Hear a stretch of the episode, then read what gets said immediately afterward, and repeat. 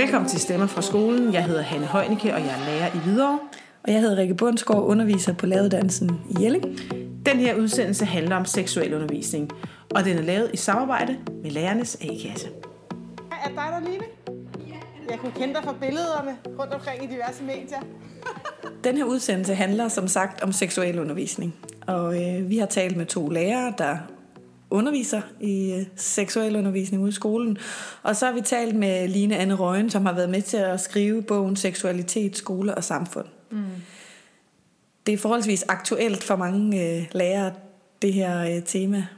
Ja, ikke bare i u 6, men også sådan en helt almindelig fredag, som det er i dag hvor vi øh, optager det her. Jeg har nemlig i min klasse, i min anden klasse i videre, der har vi talt om, øh, om man egentlig må søge på porno på sin skole-iPad, og det må man selvfølgelig ikke. Øh, men det er jo noget, som vi gang på gang må tage op med eleverne, fordi eleverne simpelthen kommer til at gøre det. Ja, og når man går i anden klasse, så er det jo i hvert fald ikke særlig hensigtsmæssigt at, øh, at at det er det møde, man får med, med krop og seksualitet, at det ligger Nej. på iPad'en. Det er i hvert fald en vigtig snak at have med sine elever. Det er og det er en vigtig uh, information at give forældrene, at hvordan de skal tage den her snak ja. med deres børn. Ja. Vi hører jo også om uh, øh, 9. klasse elever, der laver måske nogle lidt halvubehagelige nomineringer af deres uh, skolekammerater. Og vi hører om, uh, om puttemiddag på gymnasierne. Som er meget grænseoverskridende. Ja, det må man sige. Og nøgenbilleder, der bliver delt frivilligt og ufrivilligt øh, på nettet. Altså, der er, der er meget på spil i den her digitale tidsalder, som øh, børn og unge lever i nu. Mm. Og der har skolen en rigtig vigtig rolle at spille, mm. synes vi. Mm. Øhm, og øh, på bagsiden af den her bog, Seksualitet, Skole og Samfund, som øh, vi nævnte lige før, øh, der, står den, der står der, at bogen er en invitation til faglig oprustning blandt alle skolens fagfolk. Mm. Og det håber vi, at den her podcast kan ligesom skubbe øh, på en positiv måde over i, at øh, vi på en eller anden måde bliver mere oplyste omkring fagets vigtighed, men også at vi får en lidt øh, bedre tilgang til det. At det ikke er så pinligt, og det ikke er så stift, og det ikke er så rød i hovedagtigt at undervise sine elever i seksuel undervisning. Men en ret vigtig dannelsesopgave. Altså dengang seksuel undervisning blev indført ved lov i 1970, der hed det seksuel undervisning eller seksuel oplysning. Og det havde lige præcis det her fokus på, at øh, hvad skal man, sige, at man skulle lære at udvikle en tryghed omkring seksualiteten, og faktisk en markant sådan, faktisk meget progressivt meget det, der står i, i de sådan oprindelige øh, vejledninger, mm. omkring en åbenhed og nysgerrighed og tryghed, og, øh, men hele tiden sådan pakket ind i en forestilling om, at der findes den rigtige seksualitet, den rigtige måde at være menneske på i forhold til seksuallivet, og at det handler om at beskytte børn og unge så godt som muligt i forhold til, at de ikke skal sige, træffer nogle øh, katastrofale valg og det kunne i deres være, liv. Ikke? Det, det kunne være, at de blev gravid uden for ægteskab, for ja. eksempel. Ikke? Altså, der er sådan meget sjove formuleringer, som hedder, før ægteskabelige problemer skal man lære om, og så skal man lære om ægteskabelige problemer. Fordi man havde sådan en anerkendelse af, at altså, altså, unge mennesker havde også sex før ægteskab, ja. selvom at det egentlig ikke var det, man så sådan. Nej. Øh, som det bedste, men det skete dog, så der var sådan en vis form for realisme. Øhm, og så er der så det her med, men det hele peger jo frem imod sex inden for ægteskabet, og hvad er det så for nogle problemer, man kan have Og der. sex mellem mand og kvinde, vil også tænke jeg. Lige præcis. Sex mellem mand og kvinde, fordi på det tidspunkt, der var det ikke øh, lovligt at være homoseksuel på den måde, som sådan. Øh, så det handlede også om at beskytte særligt de unge drenge imod øh, særligt i storbyen, de homoseksuelle øh, mænd, som kunne lokke dem til forskellige ting. Øhm, og der er vi jo et helt andet sted i dag, fordi mm. seksualundervisning er sådan et, sige, det er et fag, der pejler den samtid, det skal fungere i. Og i 2018, der er, der er det ikke forbudt at være homoseksuel, og det at være transkønnet er ikke længere på sygdomslisten, og øh, det, altså køn, krop og seksualitet er sådan meget mere flydende størrelser i dag. Men der er jo stadigvæk risiko for at blive smittet med klamydia, der er også stadigvæk risiko for, at man kunne blive gravid, hvis man har en dreng og en pige, der har sex med hinanden. Øhm, og der er selvfølgelig en hel masse nye udfordringer, som handler om det digitale liv, øhm, mm. som jo på ingen måde fandtes i 1970. Nej, og som heller ikke fandtes, øh, da jeg var barn eller ung. Nej. Så det er jo sådan nogle helt, altså og nu refererer jeg til mig selv, men det er fordi, jeg selv står i en situation, hvor jeg skal undervise i det, og det er bare ekstremt svært for mange lærere, ved jeg, mm. fordi vi jo slet ikke er det sted selv og vi har ingen erfaringer med det selv. Altså det er bare noget, hvor vi øh, altså går på glas på en eller anden måde. Vi ved bare ikke, hvor tykt det der glas er. Nej, nej, det peger på sådan en, en generationsudfordring, der ligger ja. i seksualundervisning, ikke? Fordi der er nok rigtig mange sådan voksne lærere, som aldrig nogensinde har hverken prøvet på, eller synes, det kunne være nogen særlig god idé at sende et billede af sine kønsorganer via Nej. deres mobiltelefon til deres partner. Altså for dem er det bare helt way out at gøre det. Men det er det ikke nødvendigvis for unge i dag. Mm. Altså det er et udtryk for, det er en handlemulighed, det er en måde at være seksuel på, det er en måde at udforske sin seksualitet på, og det er ikke noget, som ses som værende fuldstændig langt ude, at man kunne finde på det. Mm. Så når voksne kommer og siger til de unge, at det er forkert, øh, for eksempel, som man for eksempel kunne finde på at gøre i seksualundervisning, eller i kampagner, eller hvad det nu kan være, så rammer man ikke nødvendigvis de unges erfaringsverden. Hvad skal man så gøre i stedet for? For det er jo noget, vi alle, altså hvis man er forældre, frygter man det, og man frygter også, at man får en klasse, hvor sådan nogle, altså, hvor sådan nogle konflikter kommer op. Ja. Altså hvad skal man så gøre? Jamen altså, det som vi peger på i vores bog omkring seksuel undervisning, det er, at lærerens rolle er ikke at fortælle børn og unge, hvad der er rigtigt og forkert. Lærerens rolle er at facilitere undervisningsprocesser, hvor børn og unge i fællesskab kan drøfte de her normer omkring køn, krop og seksualitet, og de handlemuligheder, de har. Mm. Så din rolle som lærer er ikke at fortælle dem, at det her er forkert. Men det er, din, men det er derimod din rolle at sætte vigtige tematikker på dagsordenen og planlægge undervisning, der får eleverne til at reflektere over de her situationer og klæde dem bedre på til de udfordringer, som de kan møde.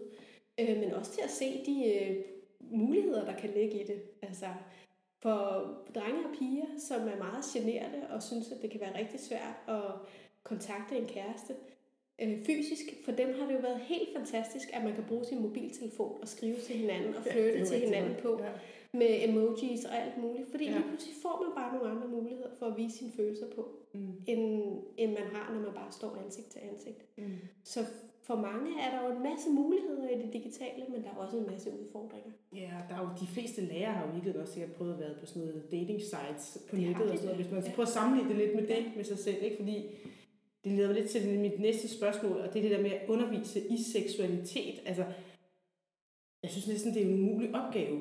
Ja. Altså, fordi du siger så der, at man skal, lukke, man skal åbne, åbne spørgsmålene op, og så er det mm. eleverne selv, der er med til at definere, hvad der er det rigtige og forkerte at gøre. Mm. Hvad hvis de kommer ud med sådan noget med, at man, at man godt må dele de her billeder, for eksempel? At, at der, deres moral er bare et helt andet sted, mm. end man selv er. Altså, er det ikke næsten en umulig opgave?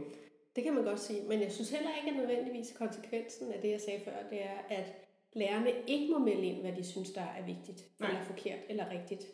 Eller, eller altså, de må meget gerne byde ind med, nogen mener det her, andre mener det her, øh, jeg mener det her, hvad tænker I om det? Mm. Øh, sådan så det bliver noget, hvor både børn og voksne, altså lærere og elever, er med til at diskutere de her normer og forventninger og udfordringer og glæder og potentialer. Og jeg er helt med på, at det at undervise om seksualitet er mega udfordrende. Og det er jo også derfor, at det er utrolig vigtigt, at man som lærer føler sig klædt på til den opgave. Mm. Fordi det, der ellers kan ske, det er jo, at man, man føler, at man kommer til kort, og man, øh, og man gør enten det, som du selv har været inde på tidligere, man gør det, som man selv var udsat for, da man var ung, eller at man gør det, som man bare selv mener er rigtigt. Og det er selvfølgelig meget godt at gøre de ting, man selv mener er rigtigt, men hvis nu forestiller os, at størstedelen af dem, der underviser i seksualundervisning i folkeskolen, det er kvinder med en heteroseksuel baggrund. Ja, lad os forestille os det. ja, som er født i Danmark, ja. og som måske er mellem 40 og 55 år. Ja, dem er der mange af. Ja, dem er der rigtig mange af. Mm.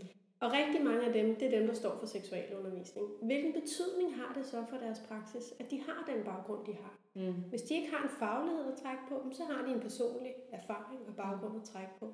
Og hvis den kun er heteroseksuel og dansk orienteret, så kan man godt have, være virkelig udfordret af et klasserum, hvor eleverne kommer med øh, mange nationale baggrunde, kulturelle, religiøse øh, værdigrundlag, Øhm, for, måske også en, en aldersspredning i modenhed.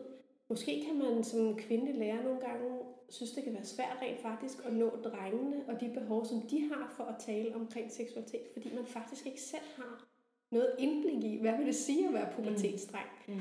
Fordi der har man ikke været selv. Mm. Man har nok fyldt øh. mange fordomme om, hvordan det er at være det, men det er ikke sikkert, det er rigtigt overhovedet. Ikke nødvendigvis. Og hvordan håndterer man de elever, som er i klassen, som er hverken eller. Altså, de er ikke nødvendigvis ligesom den stereotype pige eller den stereotype dreng. Mm. Eller de er måske en dreng, der er, viser og er interesseret i andre drenge og bliver forelsket i det. Hvordan kan man rumme det i sin undervisning? Og der er, der er nogle, nogle af de pointer, vi har i vores bog, det er, den, nej, den største pointe i vores bog, det er, at vi mener, der er en faglighed, der knytter sig til seksualundervisning i skolen. Den faglighed er godt nok tværfaglig i karakter, fordi den handler både om de biologiske, de psykologiske, de kulturelle, sociale aspekter af seksualitet. Øh, men der er en faglighed, der er en viden, man kan trække på, som man kan professionelt kan tilrettelægge sin undervisning ud fra. Det leder lidt hen til det, fordi der er jo ikke nogen timer, der er, øh, der er båndlagt til seksualundervisning. Ja. Det hedder jo et timeløst fag. Ja, faktisk et emne, det er ikke engang et fag. Nå, gud, det vidste jeg ikke Jeg troede bare, man kaldte det et timeløst fag. Men hvad, altså, hvad er fordelene og ulemperne ved, at det er timeløst emne? Mm. Altså vil jeg gerne fremhæve den allerstørste fordel først. Ja. Den største fordel, det er, at når der ikke er sat timer altså af til det, så kan læreren til gengæld tale om det på de tidspunkt, eller inddrage det i undervisning på de tidspunkt, hvor eleverne viser interesse for det. Mm. Så det giver en rigtig god mulighed for at tilrettelægge undervisning der, hvor der er noget på spil for eleverne. Mm. Når det er, at de kommer og har læst om øh, ligestillingsministerens nye dick pic-kampagne, og, øh, og, og, og så kan man sige, okay, men lad os lige prøve at snakke om det. Hvad er det egentlig for nogle øh, forestillinger omkring køn, der er på, på spil her, eller hvad det nu kan være. Så man kan tage fat i det, når eleverne kaster bolde op og viser, at det her er interessant. Mm. Og så griber man de bolde og mm. gør det til god undervisning. Det er en helt stor fordel ved det. Øhm, ulempen ved det, det er, at i den folkeskole, som vi har i dag, der bliver seksualundervisning ikke set som noget, der er lige så vigtigt som det at undervise i matematik, dansk, naturfag, øhm, alle de ting, eleverne bliver målt på i nationale test og mm. PISA-undersøgelser. De ting har bare en anden prioritet og en anden værdi i skolens hverdag. Og der kan det være rigtig svært som lærer at opleve, at man ligesom har lov til at prioritere tid på de her timeløse emner. Mm.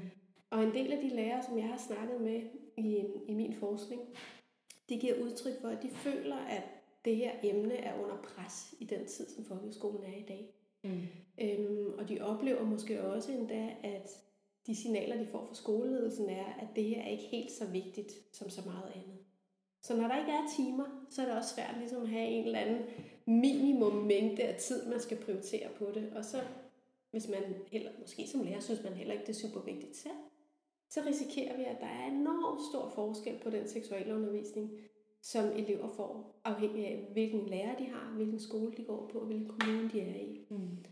Og øh, set i forhold til, at vi jo har fælles mål for sundheds- og ja, seksuel undervisning og familiekundskab, så kan man sige, så bør der jo ikke være de store forskelle nødvendigvis på det. Øhm, oprindeligt så grunden til, at man indførte det som sådan et timeløst emne der i 1970, det var faktisk fordi, at man mente, at man skulle ikke gøre det til noget særligt. Altså forstået på den måde, at seksualundervisning skulle være med til at bryde tabuet om, at man ikke kunne tale om seksualitet. Så det var bare noget, der skulle komme ind hele tiden? Det var noget, der skulle komme ind. Ja. Øh, ikke som noget særligt, ikke som sådan et særligt fag, som man så behandlede på en særlig mm. måde, men noget, som man almindeligt gjorde i mm. sin samtale mellem voksne og unge mennesker omkring, og børn omkring mm. seksualitet.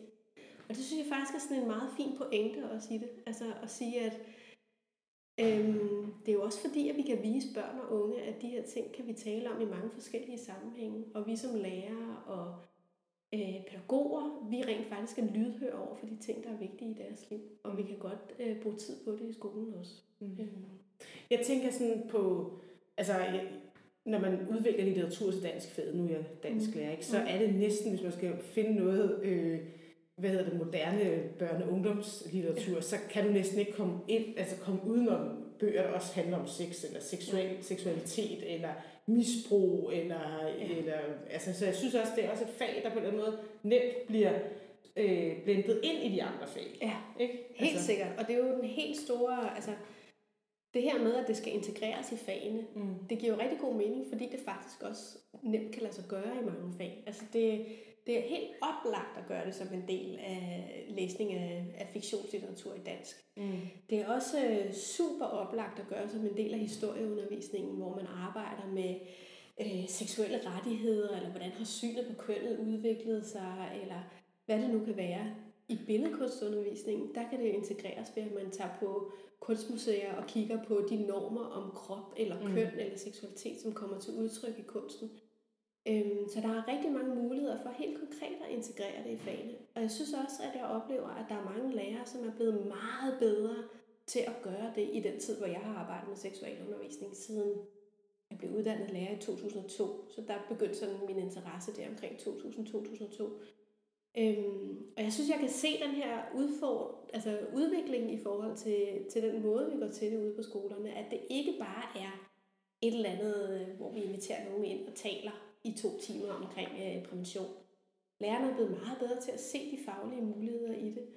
Øhm, I hvert fald rigtig mange, men der er også mange, der oplever det som være, stadig som værende en barriere, kan man mm. sige, fordi at det tager jo tiden fra min dansk undervisning. Altså, det er meningen, at jeg skal undervise i dansk, det er ikke meningen, at jeg skal undervise i sex og seksualitet, når vi sidder og læser den her novelle, eller hvad det nu kan være. Men altså, når det nu er et timeløst emne, burde man så måske ikke hellere tage ind som et emne i de andre fælles mål? Jo. Der er. Det, det kunne man måske godt have gjort. Altså, mm. I forhold til, at der er også noget trafiksikkerhed, vi skal lære dem, jo. og altså, der, der er mange andre ting, man også skal lære dem. Ikke? Altså. Der er jo rigtig mange måder, man kan lave sådan nogle øh, skolepolitikker mm. og læreplaner mm. på. Mm. I flere af de andre nordiske lande, der er det lige præcis sådan, at det er integreret som nogle selvstændige mål, for eksempel i dansk undervisning, eller hvad det nu kan være. Øhm, personligt kan jeg nu ret godt lide, at vi ligesom har vi har rent faktisk et fag eller et emne i Danmark, der hedder Sundheds- og Seksualundervisning og Familiekundskab, som har sin egen læseplan. Fordi det siger også, øh, det giver nogle andre muligheder for, for at tænke sammenhænge. Mm. Fordi hvis det nu var, at biologilæreren bare stod for noget, og dansklæreren stod for noget, og idrætslæreren stod for noget, men det aldrig nogensinde blev bundet sammen mm. i en sådan fælles forståelse med udgangspunkt i et fælles værdigrundlag, øh, og med henblik på nogle fælles mål, vi har arbejdet hen imod, så tror jeg, det vil blive meget fragmentarisk for eleverne, og ikke nødvendigvis noget, som de så som værende brugbart og meningsfuldt i forhold til dem selv.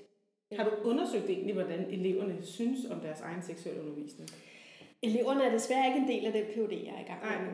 Øh, altså det, som jeg laver i min PhD, der kigger jeg på, hvordan, hvordan lærerne arbejder øh, hvad skal man sige, i spændingsfeltet mellem politik og praksis. Mm. Altså der, hvor man har fælles mål for sundheds- og seksualundervisning som en ramme for sit arbejde, men man står ude i praksis i skolen og gør noget i seksualundervisningen. Mm. Så hvordan er der overensstemmelse eller manglende overensstemmelse mellem politik og praksis? Øhm, og fordi jeg jo står helt alene med sådan et projekt over tre år, så har jeg blevet nødt til at må, måtte afgrænse sådan er det altid. Ja. Og jeg, er, øh, jeg har sådan en, en særlig forkærlighed for lærerne. Altså, det kan godt være, at... Øh, tak, det, er der nogen barbecue.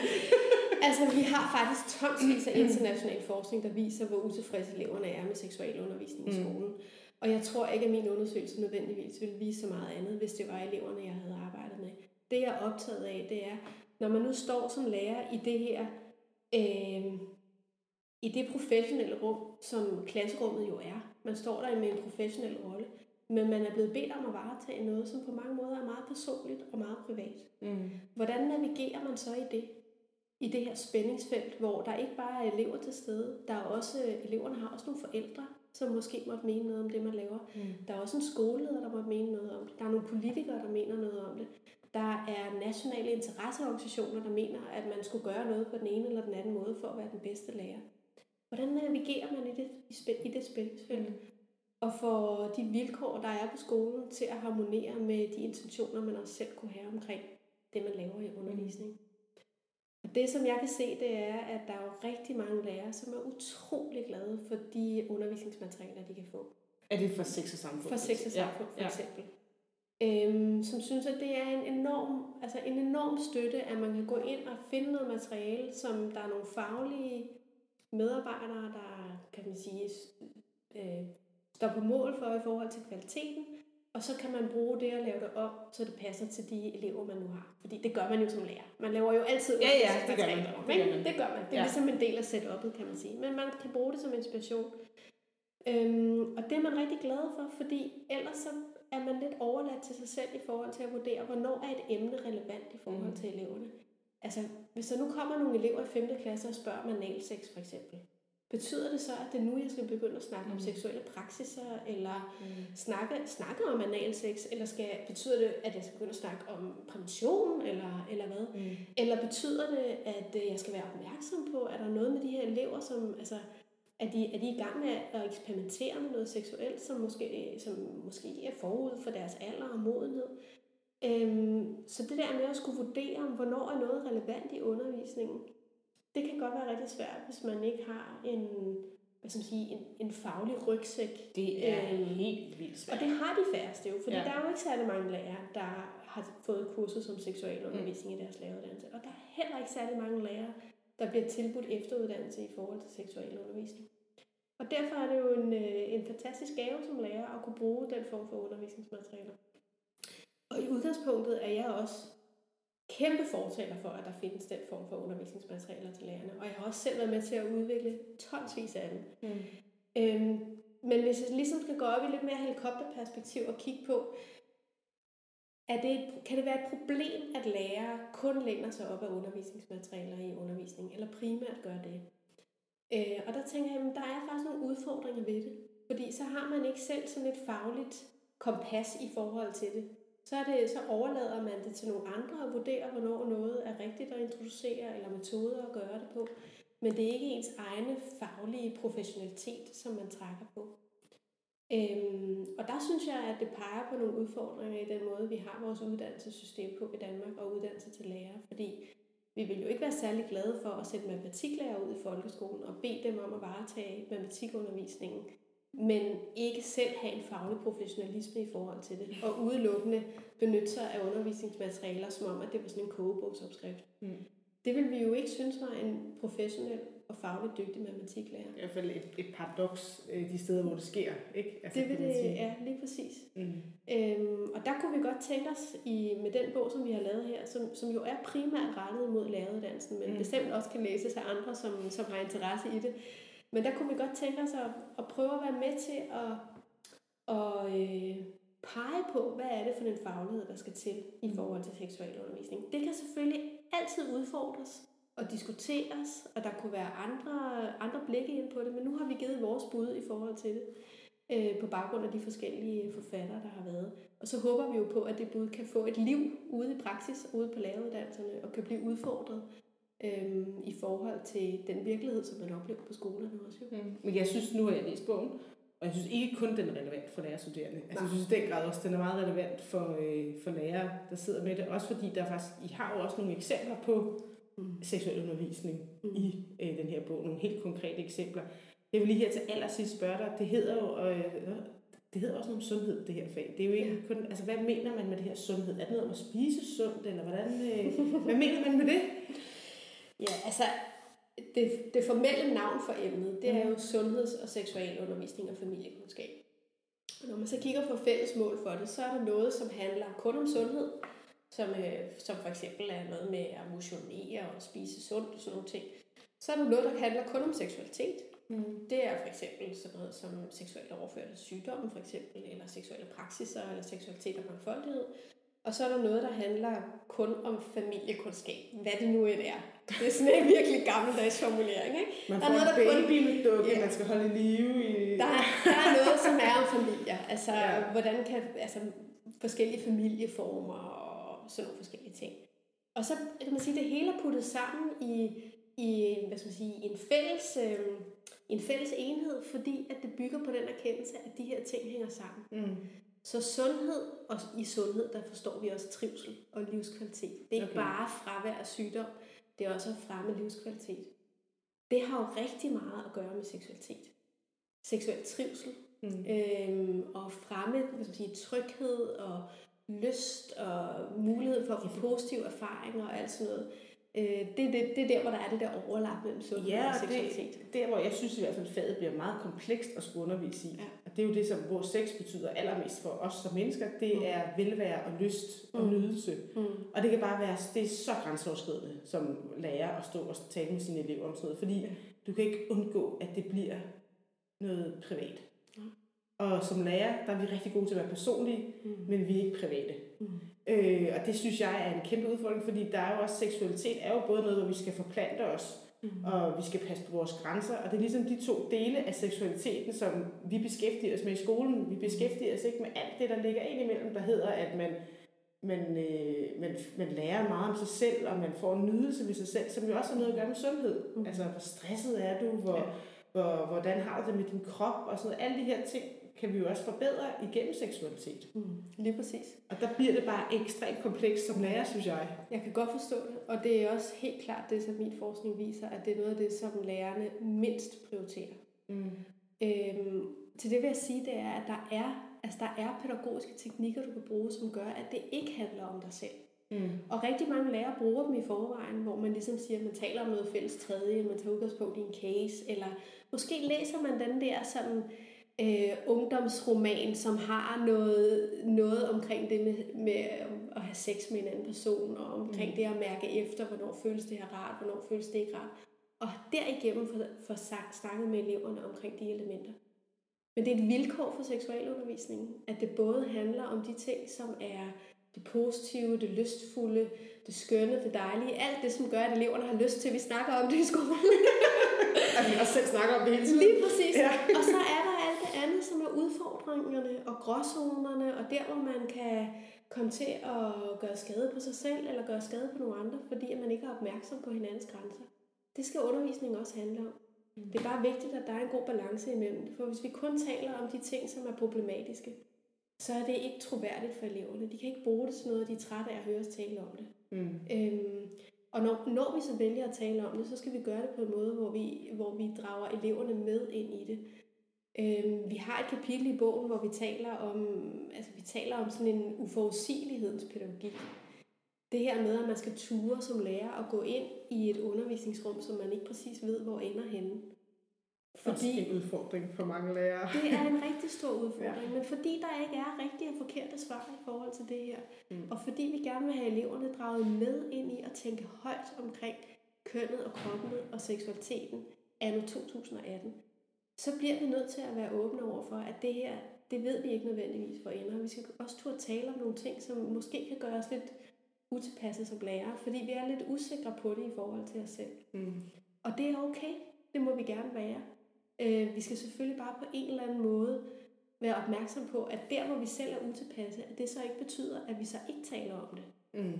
Og der er en masse ting, som kan skabe en utilpasset hos lærerne i det her emner. Det kan være, som jeg nævnte før, hvis man taler om, hvis eleverne spørger om analsex, hvis de vil tale om pornografi, hvis, øh, hvis det handler om øh, transkønnethed for eksempel. Men det kan også være noget, der handler om religion og seksualitet for eksempel, hvor lærerne kan føle, at det kan være udfordrende, at der sidder nogle elever i klassen, som øh, måske har sådan en meget religiøs eller konservativ, vil man måske tænke som lærer, tilgang til seksualiteten, øhm, og som udfordrer de tanker, man selv har mm. som lærer, som måske er mere frisindede, og hvor det handler om, at eleverne skal lære selvstændighed, og de skal også lære seksualitet og nydelse. Mm. Og så er der måske nogle elever, der siger, det vil jeg slet ikke lære om, det er jeg ikke interesseret i, mm. det er det, der er vigtigt for mig. Hvordan håndterer man det klasserum, hvor den stemme også har lov til at være der? Det er en udfordring i skolen af 2018, øhm, som der ikke er et rigtigt svar på, men som dermed stadigvæk betyder, at det er vigtigt, at vi, at vi tør tale om seksualiteten, også i det perspektiv i skolen. Mm.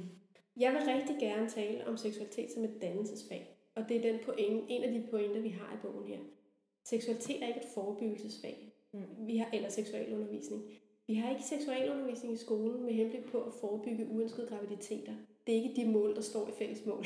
det er jo et samfundsproblem på den måde. Det er det, ja. Men grunden til, at vi har seksualundervisning i skolen, det er fordi, det kan bidrage til elevernes personlige, sociale og demokratiske dannelse. Og så bliver det pludselig også noget handlekompetence, der kommer ind over. Det er helt klart handlekompetence, der er, der er tale om her. Det er et spørgsmål om, igennem skolen og øh, tilegne sig noget viden mm. omkring seksualitet og køn og krop, kunne forstå det i forhold til sig selv, mm. i forhold til det samfund, man lever i, i forhold til mennesker, som er anderledes fra en selv, og på forskellige vis øh, få mulighed for at omsætte det i sit eget liv. Mm. Det er derfor, vi har seksualundervisning i skolen, og det er derfor, at det skal prioriteres, ligesom at det skal prioriteres at undervise i matematik og dansk. Og der vil jeg altså lige afslutte med at sige, at skolen er et fantastisk frirum Fordi det er der, du møder alle de her forskellige mennesker, som du på et tidspunkt i dit voksenliv får sorteret helt væk. Ja. Øh, det er der, du øh, er sammen med andre, er der, du kan stille nogle kloge spørgsmål. Du kan også bare stille nogle undrende spørgsmål. Mm. Og øh, du kan lytte, og du kan øh, øh, komme, komme frem med din holdning i et trygt rum. Mm. Fordi det er jo ofte heldigvis det, det tit er for, for børnene at være en del af. Ja. Så grib chancen. Absolut, og, og gør det. at det, der foregår i, altså det, der var styrken, det er, at vi har eleverne sammen som en gruppe i mm. Og seksualiteten udspiller sig jo lige præcis i relationer med andre. Mm. Og det er de relationer, vi kan tale om. Og det er der, hvor eleverne kan lytte til hinanden, høre, hvad tænker de andre, hvad mener de andre om det her, og sammen starte på sådan en udforskning af kønnet og kroppen og seksualiteten i lige præcis det der trygge rum, hvor der også er en professionel lærer, der formår at gribe nogle bolde og udfordre og øh, rejse nogle spørgsmål, som forældrene måske ikke lige kan finde på at rejse derhjemme. Mm. Det er derfor, det giver så god mening, at det er lærerne, der har ansvaret. Og det er også derfor, at det ikke bare kan være nogle gæsteundervisere, der kommer ind i to timer sammen med eleverne i 7. klasse. Mm. Fordi lige så godt som det kan være, lige så lidt bidrager det til den her langvarige, det her lange dannelsesperspektiv, som vi har på seksualundervisning. Mm. Lige tak fordi I måtte komme på DBU og interviewe dig her om det her meget vigtige emne. For et halvt år siden, der var der en øh, ret stor debat i øh, pressen om, at, øh, at lærerne ikke vidste nok om seksualundervisning. Nej. Øh, og ikke var rustet til, mm. øh, til den opgave, det er at undervise i seksualundervisning. Øh, og på det tidspunkt, der var den her bog jo ikke udkommet endnu, men, øh, men vi vidste, den var på vej, mm. og vi var ret optaget af øh, at undersøge det her område nærmere. Ja, vi har ventet et halvt år på at interviewe Line øh, omkring den her bog, Øh, og inden øh, vi kom i gang med interview hende, der tog ud på ud til Dragør på Nordstrandskolen, ja. hvor vi talte med Helen, der er indskolingslærer, og med Mika, der underviser i udskoling. Og de underviser begge to i seksuel undervisning. Øh, og på det tidspunkt, da debatten den var på sit højeste, der havde Sex og Samfund også en underskriftsindsamling om, at nu skulle det her fag ind på læreruddannelsen. Ja, selvfølgelig skulle det det, ikke? Ja. Fordi det er jo altid svaret. Jo, bare ja. lave, vi laver et fag på læreruddannelsen, hvis, hvis det ikke fungerer i skolen. Ja, der kan komme lidt mere ind der på de fire år, der tager. Men, øh, hvad hedder det, øh, men øh, vi synes i hvert fald, det var interessant at tale med to lærere, som underviste børn på forskellige alderstrin, og høre omkring, hvad er det for nogle erfaringer, de har, for at lave en øh, både god, men også en tryg seksuel mm. undervisning. Og de her to lærere, det var jo begge to nogen, der havde taget opgaven på sig, ikke? Og, og, og gerne ville og ture undervise i seksuel undervisning. Ja, selvom den ene faktisk siger, at hun ikke altid, at hun ikke sådan helt føler sig rustet til det fra mm. sin uddannelse, mm. hvorimod den anden faktisk føler sig ja. rustet.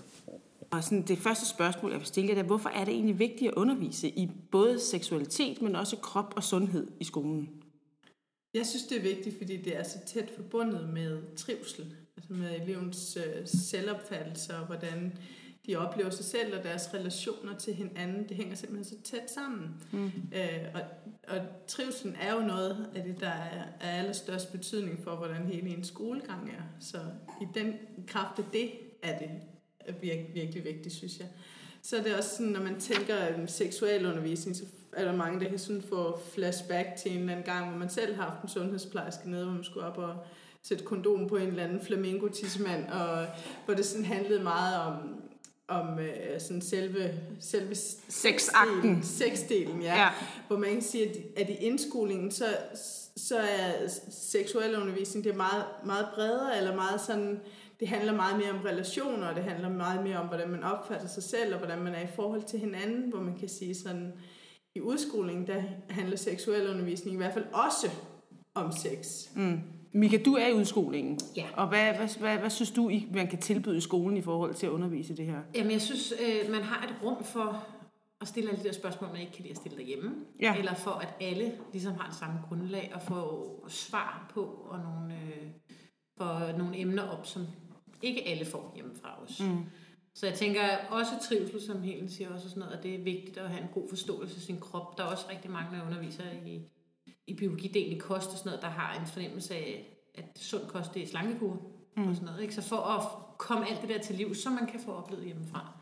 Men også for at have sådan et forum, hvor det er fagligt, og man kan få stillet sine spørgsmål og få svar altså, på dem. Altså oplever I, I nævnte begge ord trivsel, oplever I, at, at det øger trivselen i en klasse, at de har seksuel undervisning? Det er jo svært at sige, om, om, om, fordi så skulle man jo lave sådan et, et forsøg, hvor man havde nogle klasser, man Ja. gjorde det med, og nogle man Ja. ikke gjorde det med. Det er svært at sige, øh, hvad det lige præcis er, det gør. Mm. Øh, jeg oplever, at når jeg underviser i seksuel undervisning, at eleverne er meget, meget øh, interesserede i det, og meget motiveret for det, og det, i den periode, man har seksuel undervisning, er en rigtig god stemning herinde i klassen. Det skaber mm. en... Øh, sådan et, et, et, ligesom sådan et rum, hvor man, hvor man sådan fortæller hinanden nogle ting, og fortalt om nogle ting, som man ikke vi gøre, hvis der ikke ligesom var sat den scene for det. Er det også det, du oplever? Det er også det, jeg oplever. Og så også, når man også altså med kroppen og sådan noget, hele at man får en eller anden fornemmelse for sin egen krop, får sådan lidt... Jamen, det giver en god fornemmelse på en eller anden måde, for et naturligt godt forhold til det. Det skaber mm. også et eller andet dejligt hos børnene, og stille og roligt.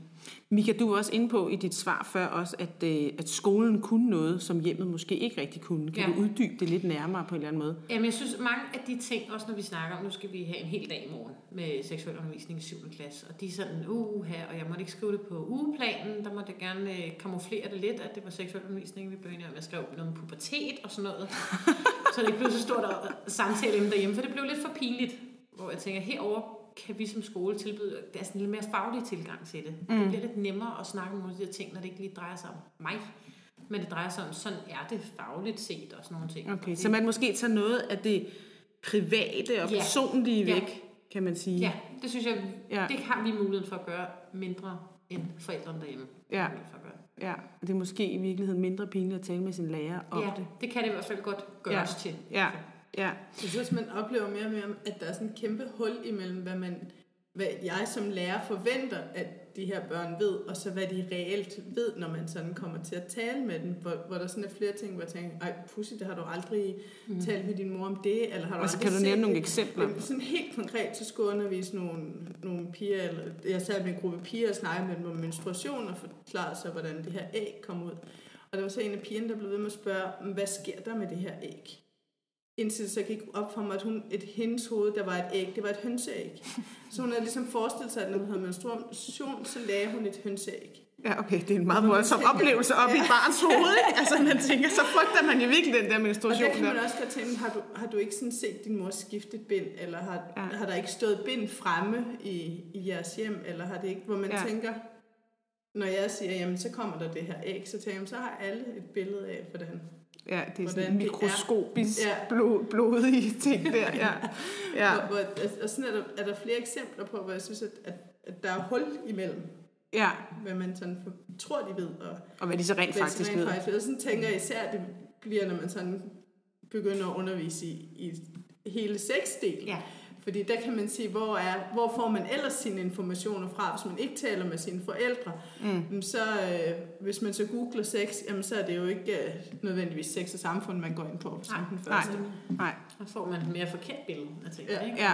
Men, øh, Ja, det må man. Og det er jo også noget af det, man kan... Altså, som der er en debat, altså løbende i virkeligheden. Ikke bare sådan nogle gange, men faktisk løbende omkring, hvad, altså, at unge menneskers tilgang til sex måske kommer igennem deres søgning på Ja. porno og, og så videre. Ikke? Så på den måde så spiller skolen da en kæmpe stor rolle, faktisk. Altså, hvad for nogle udfordringer oplever I i øh, jeres undervisning, i seksuel undervisning? Ja, for jeg forestiller mig, at man... Altså, jeg er selv indskolingslærer, så jeg kunne sagtens stå og tale om det her med, med min egen klasse. Men hvis jeg skulle stå og tale med nogle 15-årige unge mennesker, jeg ville, jeg ville simpelthen blive lidt pinligt berørt, tror jeg.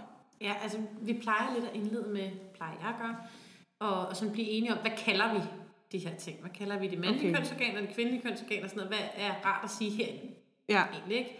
Så man sådan får skabt et, et, et fælles grundlag for, øh, hvad synes de er rart. Så håber jeg på, at det er det, jeg godt kan læse eller sige, at det ikke er... siger du også nej til noget, altså Ja, ja, der er nogle ord, hvor jeg tænker, ah, det, skrevet og sådan noget. Ja, eller, det måske ikke helt. Altså, Nej. ja, så vi, og helst de faglige ting så, ikke? Og Ja. jeg, ofte er de enige med, at penis er godt ord, og vagina og sådan noget, ikke? okay, Køre med det, men vi får forklaret det og snakket om det også, så man har Ja. forskellige ord for, hvad er det egentlig, de der ting er. For det ved nogen, og det ved nogen ikke. nej. Føler I egentlig rustet gennem jeres uddannelse ved at undervise i seksuel undervisning? Nej, det synes jeg ikke. Jeg synes, at vi havde et eller andet lille bitte minikursus i seksuel undervisning, dengang jeg gik på, eller i, i, på seminaret for mange, mange år siden. Ja. Øhm, Var det i forbindelse med et linjefag, eller var det bare sådan helt et, et, et, sådan et jeg tror, det kursus? var... Jeg, jeg, det er mange år siden, men jeg tror, det har været sådan et... det har været sådan en kursus, eller en kursusuge, eller okay. sådan meget løsredet fra alt det andet. Ja. Og så er det jo så er det en lille bitte del af naturteknologifaget, også øh, krop- og pubertetsundervisning, begyndende mm. pubertetsundervisning. Øh, hvor, hvor det ligger jo lidt i Ja, ja for der tænker jeg, der, der føler jeg mig bedre rustet til det. Mm. Sige. Vi, vi havde det som en del, et forløb i biologiundervisningen der. Ja. Så der, der følte jeg mig fint påklædt. Men jeg havde en tanke om det inden, og bagefter og tænkte, det bliver da ikke så sjovt at undervise det her. Men da man først havde været igennem det, tænkte jeg, det vil jeg faktisk gerne. Ikke? Ja, ja. Så det, det klart. føler jeg egentlig fint, og så har man jo lavet meget op på det siden, tænker jeg, hvordan man så mm. egentlig synes, det er det bedste. Ikke? Men, ja. Men jeg tænker også sådan en del af det, det er sådan det rent øh, fagfaglige, altså det tekniske i det, og hvad sker der, og mm. hvad sker der med kroppen, og hvornår, og hvordan, og hormoner og så videre. Hvor den anden del, det handler rigtig meget om relationen, altså, men, men vi jo ikke, jeg tænker det med at gå ind i en klasse, man ikke kender og undervise i seksuel undervisning, det vil, det vil være virkelig, virkelig ikke særlig hensigtsmæssigt. Nej. Øhm, Meget grænseoverskridende for ja, begge parter, ikke for alle. Parter, ja. og, og direkte uhensigtsmæssigt, fordi det handler også om, at man sådan, øh, også fordi det er forbundet med trivsel, men man fortæller om mange andre ting omkring det. Jamen, hvad så hvis der er en, der gerne vil kysse en, og man ikke har lyst til det, eller hvad hvis der er nogen nede i badet, der siger, at øh, det synes jeg ser sjov ud, eller hvordan håndterer man det? Altså, der, mm. der er mange ømme punkter i det, som jeg synes kræver, at man kender sine elever ret godt, før man mm. gør det. Jeg vil aldrig undervise seksuel undervisning i en klasse, jeg ikke kender godt. Nej. Har I nogle, øh, altså sådan nogle metoder, som I har haft rigtig meget succes med? Øhm, altså når jeg har undervist i pubertetsundervisning, så har jeg god succes med at tale ud med sådan øh, det blide. Altså er der nogen af jer, der har oplevet, at deres morfar kan være rigtig pinlig, eller Mm. Har I oplevet, at man nogle gange kan komme hjem og være i rigtig dårlig humør? Og har I oplevet, at man kan gå fra at være i godt humør til dårlig humør på meget, meget kort tid? Altså sådan tale om, om de der følelser, inden man sådan begynder at tale om, om krop og bryster og mm. hård menstruation, mm. som godt kan være lidt mere uh, grænseoverskridende. Ja. Så man ligesom starter et blødt sted, kan man sige. Så man starter et blødt sted, så kan man ligesom sige, at noget af det, der gør, at man lige pludselig synes, at det er pinligt at være på stranden med sin mor og far, det er faktisk delvist, fordi der er nogle hormoner, der sætter gang i en mm. hel masse ting, at man sådan kan tage afsæt i noget, noget der er lidt sikkert at tale om, mm. og så sådan hoppe ud i det er lidt mere tekniske termer, der hedder, hvad sker der hormonelt i kroppen? Ja, lige og sådan noget. Ja, det er lidt mere at forholde sig til det selvfølgelig. Ikke? Mika, har du nogen? Jamen, jeg tror også, vi starter også lidt med sådan noget snakagtigt, og så kører vi så ofte, synes jeg, udskoling, noget teori, øh, så det bliver lidt det faglige der, og så øh, plejer det også selv at lave noget gruppearbejde. Og vi laver faktisk det der med at sætte øh, kondomet på øh, ja. en penis og trap. Øhm, og også, men øh, lidt henne i forløbet, ikke? Så, så ja. det bliver, øh, det her, det er simpelthen for, at øh, I alle sammen tør bruge det, når I kommer til det punkt i jeres ja. liv, ikke? At jeg kan ikke, bare huske, at vi blev præsenteret for det meget, meget tidligt. Altså, ja. jeg, jeg kan bare huske, at jeg var virkelig skræmt over, og det var sundhedsplejersken, der så kom ned, som ja, vi ikke havde nogen relation med. Og så det eneste, jeg husker, det var ligesom, at de der flamingo peniser blev disket op, og så skulle man op på skift. Og jeg, jeg kunne ikke. Altså, jeg, jeg sneg mig udenom og gik på toilettet. det er nok ikke den første, der gjorde det. Nej, det var pludselig mange, der skulle tisse rigtig meget. Ja, ja, ja. Hvor der er det også bare meget vigtigt, at man, at man, jeg kan sagtens forstå, at man gør det, men at man også tænker ind, at man har relationen, og man ligesom har... Helt sikkert. Og ikke skal op og stå og gøre det ved tavlen også, tænker jeg. Altså, det er stille og roligt nede ved sit eget bord, og så... Ja, okay, så det bliver lidt med en gruppesituation, hvor man sidder... Noget, og så ja. kan man lige sådan... Altså, sådan meget snakke om, at man skal vende det rigtigt og sådan noget. Altså, sådan, så det igen bliver det teknisk lidt, og ja. ikke det der med... Ikke fokus på, her sidder en flamingo penis og ikke muligt andet. Men det bliver sådan lidt... Og de ender alle sammen med, jeg synes, det, er, det har været fint ja, ikke? Ja. Altså. Taler I også om lyst egentlig, altså i de store klasser? Altså, at man kan have ja. lyst til sex, for eksempel? Ja, og så har, altså det, det som der næsten er størst succes ved, synes jeg, det er at køre altid med sådan en brevkasse, når vi har om det, eller altså okay. altså sådan, som at der er en hemmelig, en postkasse, hvor man kommer med anonyme spørgsmål i løbet af ugen også. Fed idé, tænker jeg. Ja, for det, og der plejer det at komme, der kommer også noget fis en gang imellem, og det ja, ja. vi sortere fra, men øh, det, det, det er de rigtig glade for. Ja. Ikke? Og, ej, en god idé at gøre det, og så kan man ligesom få hele klassen til at tale om ja. det og sådan noget. Ej, det er virkelig en god idé. Det er et godt tip, der her ved at give videre. Øhm, seksuel undervisning, det er jo det, man kalder sådan et timeløst dannelsesfag. Mm. dannelsesfag. Øhm, hvordan bliver det prioriteret på jeres skole? Altså er det noget, der ligesom, øh, eller, eller det ligger sådan lidt hos biologilæreren og naturtekniklæreren? Eller? Så jeg tænker, det faktisk det er meget op til de enkelte teams. Fordi øh, nu, jeg har naturteknologi i 1, 2, 3, 4 klasser. Men jeg øh, vil kun undervise i det i de to klasser, som jeg har, øh, hvor jeg også har dem i andre fag. Mm. Og hvad de gør i de andre klasser, det ved jeg faktisk ikke. Altså, Nej. det, så, så på den måde er det, synes jeg ikke, det er bundet til naturteknologilæreren. Jeg tænker, det må være i de små klasser, må det være dem, der har flest timer ind i klassen. Der, Okay. der ligesom aftaler, hvem, hvem gør hvad, og hvad gør vi. Øhm, men det er jo altid, den, den, den udfordring er der bare altid med de timeløse fag. Ja. Fordi når der ikke er nogen øh, baseret på, hvem der tager den, så, Mm. så, så kan det jo sagtens ende med, at der ikke er nogen, der tager den. Ja, at de måske først får den, når de skal have biologi hos dig. Og den, den har vi nemlig ikke helt aftalt på skolen. Tænker jeg også. Nej. Det kan være lidt en faldgruppe, ikke? Og hos, jeg tænker også, hos biologilæreren ligger den, men der var en for nylig en, øh, en klasselærer, en kontaktlærer til en af klasserne, der kom og spurgte mig, hvad nu med det der seksuel undervisning? Øh, han var lidt på den, om, om jeg havde... "Ej, men det ligger hos mig, det tager jeg jo. Mm.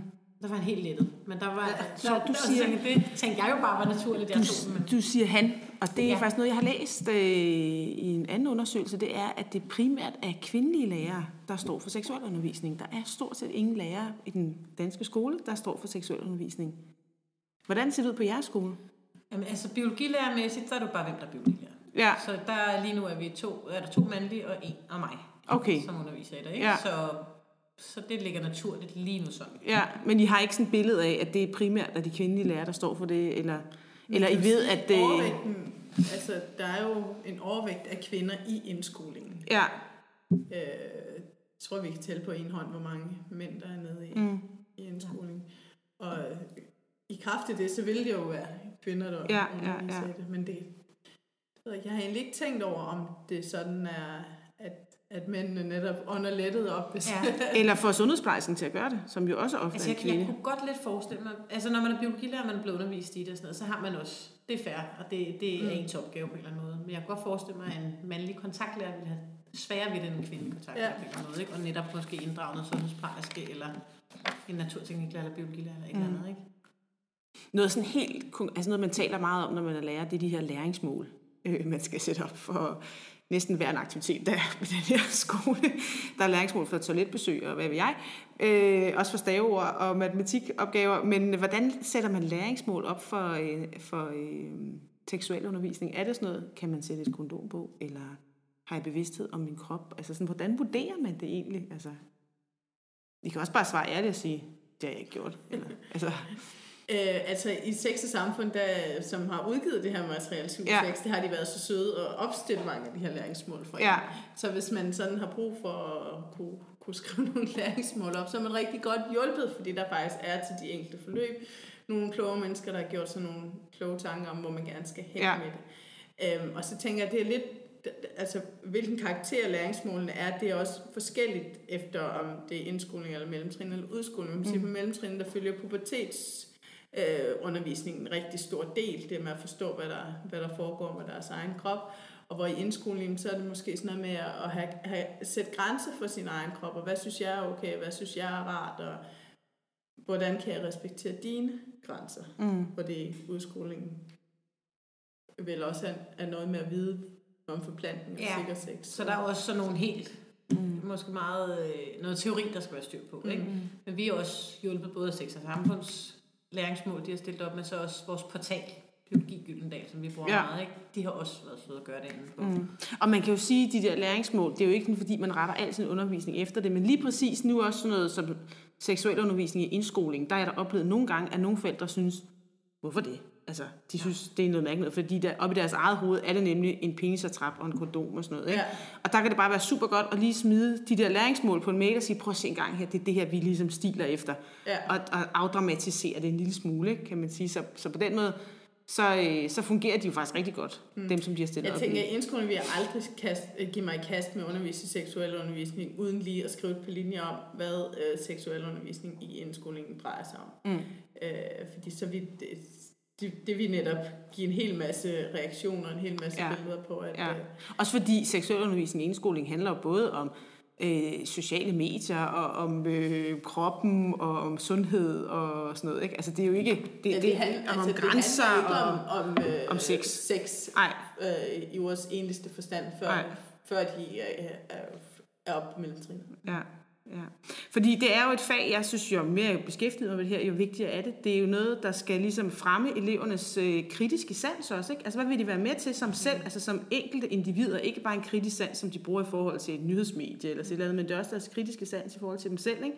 og deres forhold til deres krop og deres seksualitet og deres sundhed ja. ikke? i virkeligheden. Bestemt. Så det er der måske øh, lidt synd, synes jeg, at det ligger derude som sådan et timeløst fag. Mm. Ja, Altså, det er det. Det er det. Det er Altså, helt enig i.